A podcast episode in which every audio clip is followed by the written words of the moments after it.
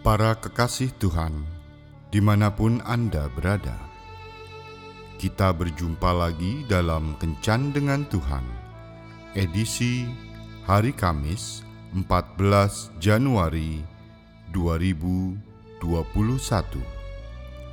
Dalam Kencan kita kali ini, kita akan merenungkan ayat dari Injil Matius bab 16 ayat 32.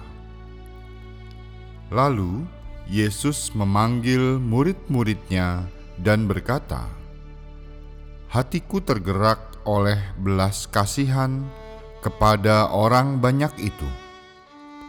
Sudah tiga hari mereka mengikuti Aku, dan mereka tidak mempunyai makanan." Aku tidak mau menyuruh mereka pulang dengan lapar nanti mereka pingsan di jalan. Sudah tiga hari, empat ribu orang lebih mengikuti Yesus yang sedang pelayanan dan mereka tidak punya makanan. Firman Tuhan menceritakan bahwa hati Yesus tergerak oleh belas kasihan saat ia melihat orang sebanyak itu. Untuk itu, Yesus berinisiatif memberi mereka makan, sehingga mereka tidak kelaparan. Kita dapat melihat di kisah ini, ternyata Yesus sangat peduli dengan keadaan orang-orang yang mengikutinya. Yesus tahu persis kebutuhan utama orang-orang yang dengan setia mengikutinya. Seandainya saja mereka tidak setia mengikuti Yesus, maka sangat mungkin mereka tidak melihat, merasakan, dan menikmati mukjizat yang Yesus lakukan. Jika kita setia mengikuti Yesus seumur hidup kita, tentu kita akan melihat mukjizat demi mukjizat yang Yesus lakukan untuk kita.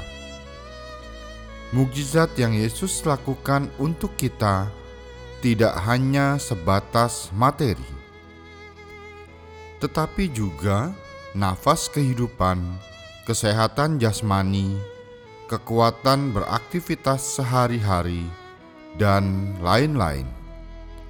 Memang, Terkadang dalam mengikuti Yesus sering ada keraguan, terlebih lagi saat masalah kehidupan datang silih berganti. Jika iman kita sedang down, alangkah baiknya kita melihat kembali ke belakang, lalu hitung kembali berkat Tuhan yang telah kita terima bila kita masih hidup dengan kebutuhan yang tercukupi sampai saat ini, berarti kehidupan kita tidak pernah terlewatkan dari mukjizat. Mukjizat selalu berkelanjutan di dalam kehidupan orang percaya. Bukan hanya dia tidak akan membiarkan pengikutnya yang setia kelaparan tetapi juga tidak akan membiarkan mereka terkapar ketika menghadapi masalah. Tuhan Yesus memberkati. Marilah berdoa. Tuhan Yesus, ajarilah aku untuk lebih fokus kepadamu dan bukan fokus kepada masalah, karena Aku tahu engkau sanggup membuat mukjizat bagiku. Amin.